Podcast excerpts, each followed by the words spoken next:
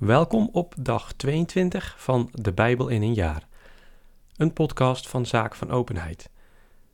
Vandaag lezen we Genesis 46, 47 en 48, Psalm 22 en Matthäus 14, vers 22 tot en met 36. Genesis 46 Toen vertrok Israël met al de zijnen en ging naar Beersheba. Daar droeg hij een offer op aan de God van zijn vader Isaac. En God sprak tot Israël in een nachtelijk visioen. Jacob, Jacob. Hij antwoordde, hier ben ik. En hij zeide, ik ben God, de God van uw vader. Vrees niet naar Egypte te trekken, want ik zal daar een groot volk van u maken. Ikzelf ga met u mee naar Egypte, maar ik breng u ook terug en Jozef zal u de ogen sluiten. Daarna trok Jacob uit Beersheba.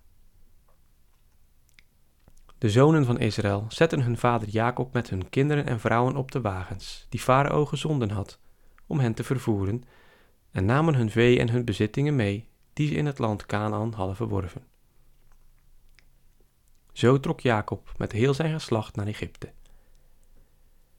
zijn zonen en kleinzonen, zijn dochters en kleindochters, heel zijn geslacht voerde hij mee naar Egypte. Dit zijn de namen van de zonen van Israël die naar Egypte kwamen. Jacob en zijn zonen. De oudste zoon van Jacob was Ruben.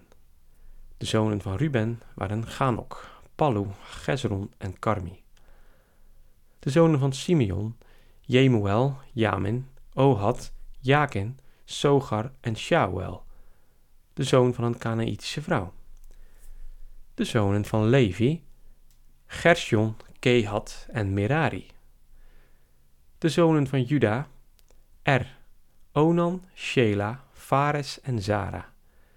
Er en Onan stierven in het land Canaan. De zonen van Fares waren Esron en Gamuel. De zonen van Issachar, Tola, Puwa, Job en Shimron de zonen van Zabulon, Seret, Elon en Jachleel.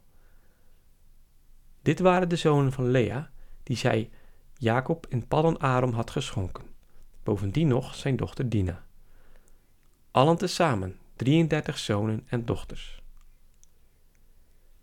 De zonen van Gad waren Sifjon, Gachi, Shuni, Esbon, Eri, Arodi en Areli de zonen van Aser, Jimna, Jeshua, Jeshwi en Beria en Serach hun zuster.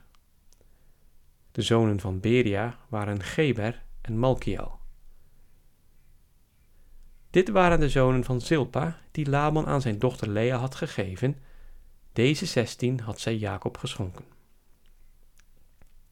De zonen van Jacobs vrouw Rachel waren Jozef en Benjamin. In Egypte werden Manasse en Ephraim aan Jozef geboren uit Asenat, de dochter van Potifera, de priester van On. De zonen van Benjamin waren Bela, Beker, Ashbel, Gera, Naaman, Egi, Rosh, Mupim, Gupim en Art. Dit waren de zonen van Rachel die zij Jacob had geschonken. In het geheel veertien personen. De zoon van Dan was Gushim de zonen van Neftali, Jachseel, Guni, Jezer en Shillem. Dit waren de zonen van Bilha, die Laban aan zijn dochter Rachel had gegeven. Deze had zij Jacob geschonken, in het geheel zeven personen. Het volledige aantal personen uit Jacob geboren, die met hem naar Egypte trokken, bedroeg 66, behalve de vrouwen van zijn zonen de zonen van Jozef en Egypte geboren waren twee in getal. Dus bedroeg het hele geslacht van Jacob dat naar Egypte kwam 70 personen. Nadat Jacob Juda vooruit had gezonden naar Jozef om hem bij zich in Goshen te ontbieden, kwamen zij in het land Goshen aan. En Jozef spande zijn wagen in en reed naar Goshen om zijn vader Israël te ontmoeten. Toen hij hem zag, viel hij hem snikkend om de hals. En Israël sprak tot Jozef: Thans kan ik gerust sterven, nu ik u heb teruggezien en nu ik weet dat ge nog leeft. Daarna sprak Jozef tot zijn broers en tot het gezin van zijn vader. Ik zal Farao gaan berichten. Mijn broeders en het gezin van mijn vader die in het land Canaan woonden, zijn bij mij aangekomen. De mannen willen hun kudde weiden, want het zijn veebezitters en ze hebben hun schapen en runderen met heel hun bezit met zich meegebracht. Wanneer Farao u dus ontbiedt en u vraagt wat uw beroep is, moet gij antwoorden: Uw dienaars zijn als onze vaders veebezitters geweest van onze jeugd af tot heden toe. Dan zult gij u in het land Goshen mogen vestigen, want de Egyptenaren hebben een afkeer van schaapherders. Genesis 47 Jozef ging dus Farao berichten mijn vader en mijn broers zijn met hun schapen en runderen en met heel hun bezit uit het land Canaan aangekomen en bevinden zich in het land Goshen. Hij had vijf van zijn broers meegenomen en stelde ze aan Farao voor. Farao vroeg aan zijn broers: Wat is uw beroep? Zij gaven Farao ten antwoord: Uw dienaren zijn schaapherders, van vader op zoon. En ze vervolgden tot Farao: we zijn gekomen om de gastvrijheid van het land te genieten, want uw dienaars hadden geen weidegrond meer voor hun vee, daar de hongersnood het land Canaan heeft geteisterd. Geef uw dienaren verlof zich in het land Goshen te vestigen. Toen sprak Farao tot Jozef. Nu uw vader en broers tot u zijn gekomen, staat het land van Egypte voor u open. Laat uw vader en broers in het beste deel van het land wonen. Ze kunnen in het land Goshen blijven. En wanneer ge weet dat er geschikte mannen onder hen zijn, stel ze dan tot opzichters over mijn eigen veestapel aan. Nu ging Jozef zijn vader Jacob halen en stelde ook hem aan Farao voor. Nadat Jacob Farao met een zegenwens had begroet, sprak Farao tot Jacob: Hoeveel jaren telt ge reeds?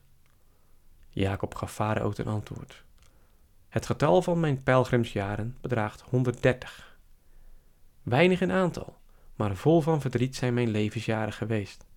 En zij hebben niet het getal van die mijner vaderen bereikt in de dagen van hun pelgrimstocht. Toen zegende Jacob Farao en ging van Farao heen.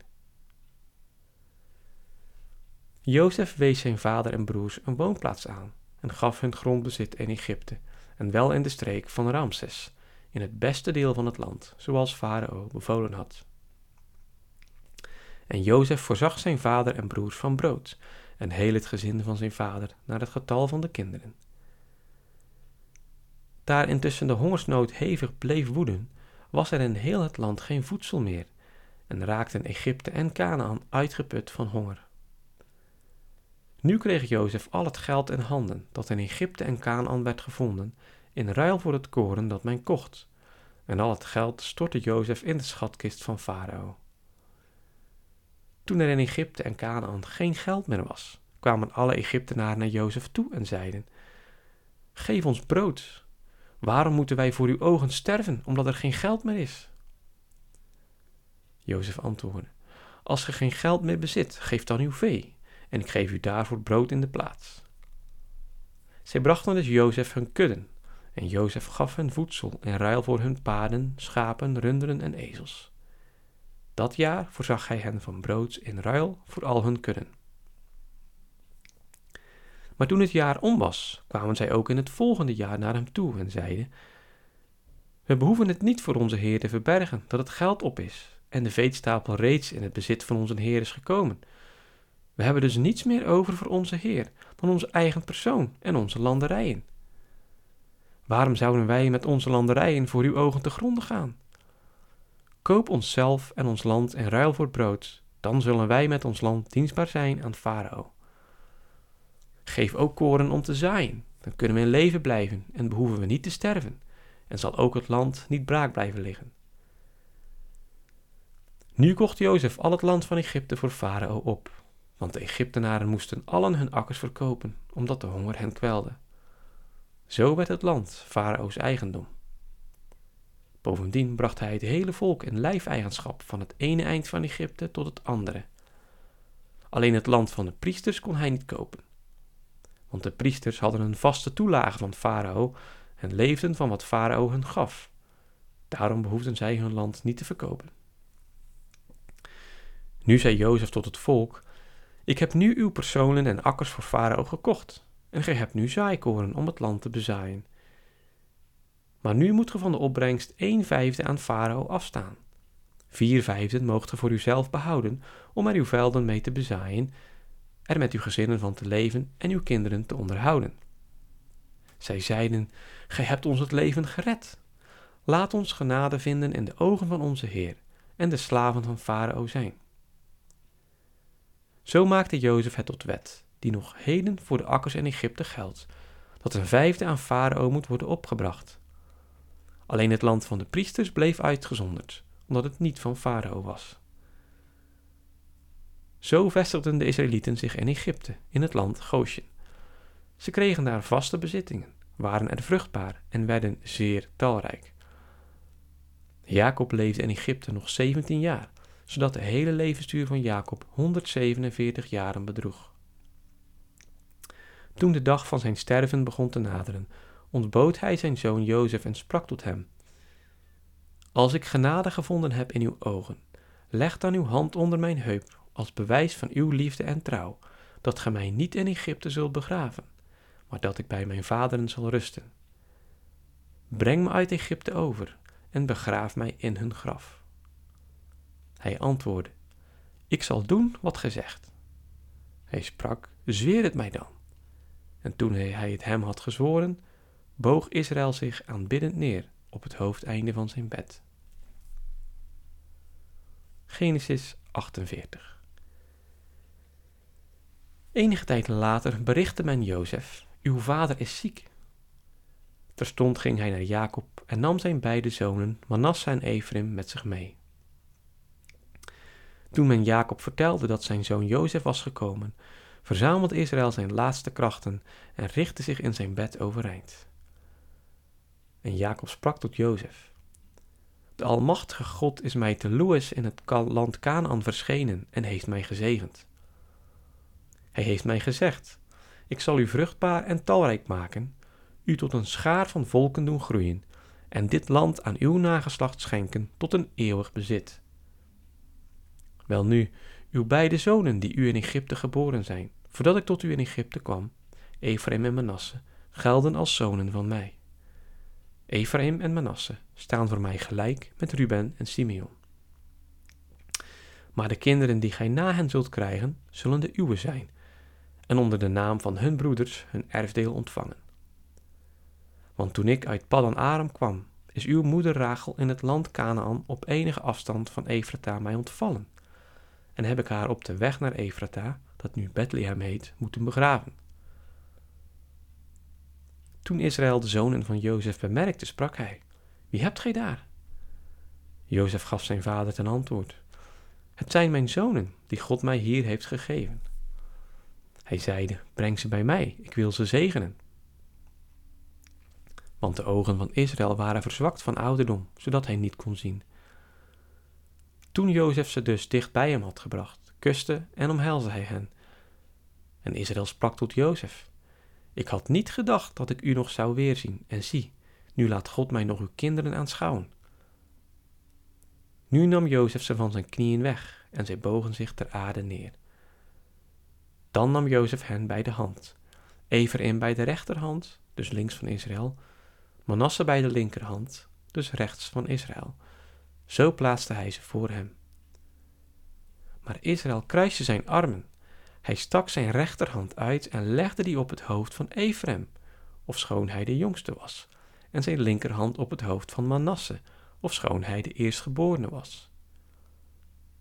Toen zegende hij hem en sprak: De God voor wiens aanschijn mijn vaderen hebben gewandeld, Abraham en Isaac, de God die mij heeft behoed van mijn geboorte af tot heden toe. De engel die mij uit alle nood heeft verlost, zegene deze knapen.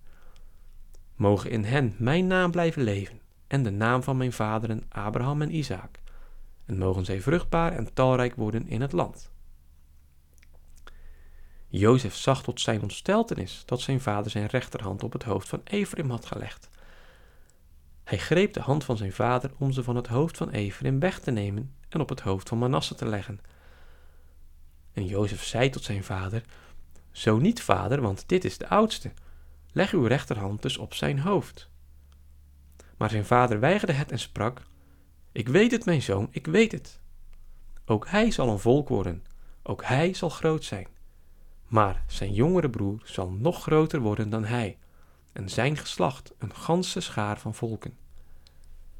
En hij zegende hen op die dag en sprak: Met uw naam zal Israël zegen wensen en zeggen: God maak u als Ephraim en Manasse. Zo stelde hij Ephraim boven Manasse. Nu sprak Israël tot Jozef: Zie, ik ga sterven, maar God zal met u zijn en u terugleiden naar het land uw vaderen. Ik vermaak u één deel meer dan uw broeders, de bergrug die ik op de Amorieten met mijn zwaard en mijn boog heb veroverd. Psalm 22 Voor muziekbegeleiding, wijze de hinde van de dageraad. Een psalm van David. Mijn God, mijn God, zie op mij neer. Waarom hebt gij mij verlaten? Waarom houdt gij u ver van mijn hulp, ver van mijn, mijn jammerklachten, mijn God? Ik roep overdag, gij antwoordt niet.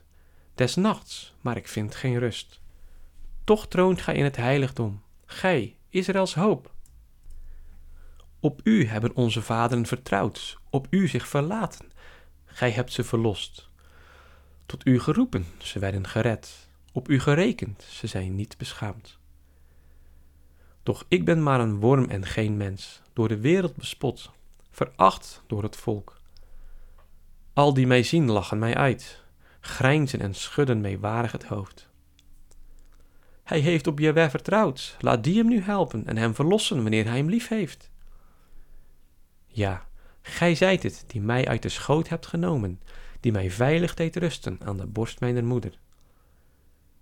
Bij mijn geboorte werd ik op uw knieën gelegd. Gij zijt mijn God van de moederschoot af. Blijf dus niet verre van mij, want de nood is nabij en er is niemand die helpt. Bonkige stieren staan om mij heen, buffels van Bashan omsingelen mij. Ze sperren hun muil naar mij open als verscheurende, brullende leeuwen. Als water ben ik uitgegoten, al mijn beenderen zijn ontwricht. Mijn hart is als was, smelt weg in mijn borst. Mijn keel is droog als een scherf, mijn tong kleeft aan mijn gehemelte vast, en in het stof van de dood strekt gij mij neer. Dan komen honden om mij heen, een bende boosdoeners houdt mij omlegerd. Ze doorboren mijn handen en voeten, al mijn beenderen kan ik tellen. Ze werpen begeerige blikken en gluren mij aan, verdelen mijn kleren onder elkander en loten om mijn gewaad.